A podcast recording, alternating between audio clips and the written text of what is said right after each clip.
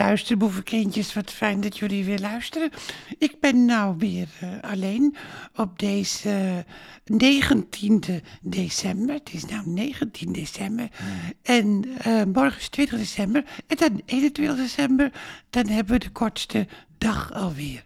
Ik hoop dat jullie je een beetje op je gemak voelt en dat je nog niet uh, neerslachtig bent. En misschien ben je zelfs ook helemaal niet van plan om neerslachtig te worden.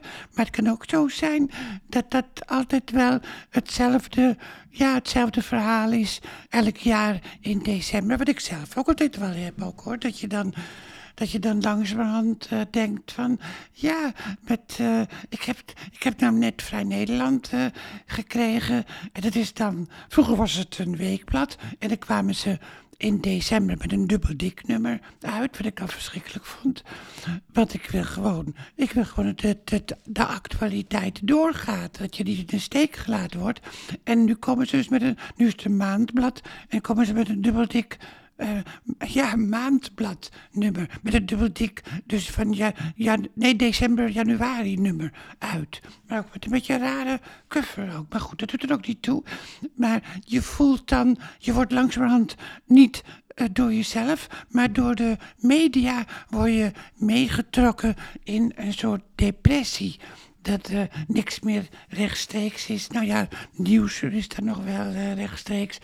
Maar verder uh, word je helemaal aan je lot uh, overgelaten. Ja, daarom ben ik er dus uh, elke dag. En ik heb vanmiddag de toespraak van Mark Rutte gezien ook. En ik was, ik was heel erg onder de indruk wel. Ik vond dat Mark Rutte dat ook heel goed deed. Heel bevlogen en heel gepassioneerd. En ik denk, jee, die het ook wel moeilijk ook hoor. Met alle problemen die er in de wereld plaatsvinden. Met alle beslissingen die je moet nemen over Oekraïne, over Europa en ook in Nederland. En dan nou weer bij het slavernijverleden met allerlei groeperingen die dan zeggen dat je helemaal nog niet excuses had mogen maken. Denk van ja, waarom niet? Uh, dat, dat, dat moet toch van binnenuit gaan. Daar hebben we het ook wel eens over gehad. Dat je nou aan de ander moet vragen, uh, mag ik wel excuses maken? Nou, dat is toch voor, dat is gewoon Je moet, als je denkt van uh, heel, een heel land is fout geweest, dan moet je gewoon excuses maken. Los daarvan of, of het uh, zin heeft. Dat denk ik ook wel. Maar goed, ik vond het wel een bevlogen toespraak.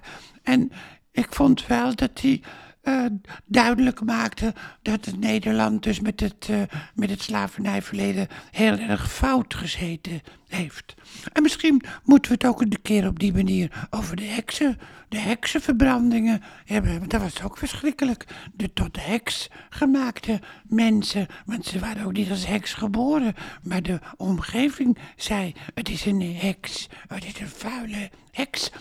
Nou, en, uh, en ik heb uh, nog niks van, uh, van Hans van Appelgaard gehoord. Dus wel van Bob Rutting. Nou ja, die is, bezig, die is langs geweest en Buster Fontijn ook. En die heeft dus op de redactie van NOS Sport gewerkt, Buster Fontijn. Waar ook grensoverschrijdend gedrag heeft plaatsgevonden. Maar hij heeft nog niet verteld uh, waar, waar, uh, waar het, wie het gedaan heeft eigenlijk. Hè? En of je het ook weer met een korreltje zout uh, neemt. Ik neem tegenwoordig alles met een korreltje zout. Dat, daardoor word ik wel vrolijk van. Want zeg maar september had ik dat nog niet, dat ik het nog niet met een korreltje zout nam. En alles, oh wat erg. En dit is, oh wat is dat ook weer erg. En oh, maar dat is ook erg. En, oh, zeg, wat is dat weer erg. En nou uh, denk ik, nou het zal wel, Oekraïne, dat is erg. Hoe Poetin, hoe dat die, die vuile schoft Poetin, die misdadiger, die oorlogsmisdadiger, die je langzamerhand wel met een, met een Hitler kan vergelijken. Dat gaat nog niet zo ver. Het is nog niet zo systematisch dat die mensen uitroeit. Maar het is wel een verschrikking. En dat ook, dat ook Thierry Baudet nog steeds geen afstand neemt van het monster Poetin. Dat, uh, daar kan ik me wel over opwinnen.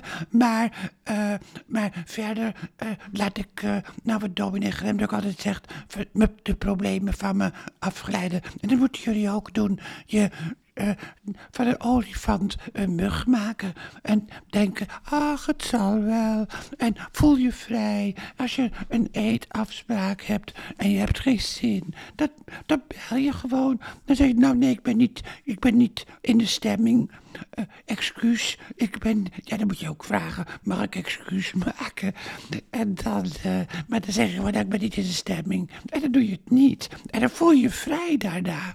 En misschien ook als je zelf eters krijgt en je ziet er tegenop... dat je dan ook gewoon zegt, nou, ik heb toch geen zin... Of dat je inderdaad een heel eenvoudig uh, gerecht maakt, wat ik ook in het uh, Vrolijke Winterboek heb gezet. Dat je alleen maar uh, appelmoes, friet en kroketten neemt. En dat je dan zegt, ja, dat een recept van Margriet Holman. Je kan uh, je moet voor jezelf kiezen op het juiste moment. Je kiest voor de ander. Helemaal met de kerstdagen voor je ouders en voor je familie soms. Of voor vrienden die het moeilijk hebben. Maar als je het zelf moeilijk hebt, dan moet je zeker voor jezelf kiezen. Ik hoop dat ik morgen weer bezoek krijg. Want dat vind ik altijd wel leuk als Buster Fontijn of dokter Valentijn of uh, Bob Ruttering uh, op bezoek komt. En ook als ze met z'n allen op bezoek komen. Misschien moet ik ook wel eens uh, gewoon een kerstgesprekje gaan voeren met, met iedereen. En morgenavond sta ik ook weer op het toneel. En 27 december hebben we een gestreamde voorstelling van Margit Doornbeek. Waarom de doosdagen van jaar vanuit de, vanuit de parkzaal in uh, Amsterdam. Met die asfaltcomplex, de parkzaal. Ik hoop dat jullie het hoofd boven water houden. Ik hoop dat jullie luisteren, kindjes. En laat je niet downpoeten, maar uh, ja, sta altijd weer op. Will you remember the famous man who had to fall and rise again? So pick yourself up, dust yourself up and start all over again. Tot uh, morgen dan weer. Dag schattenboevenkindjes. Dag.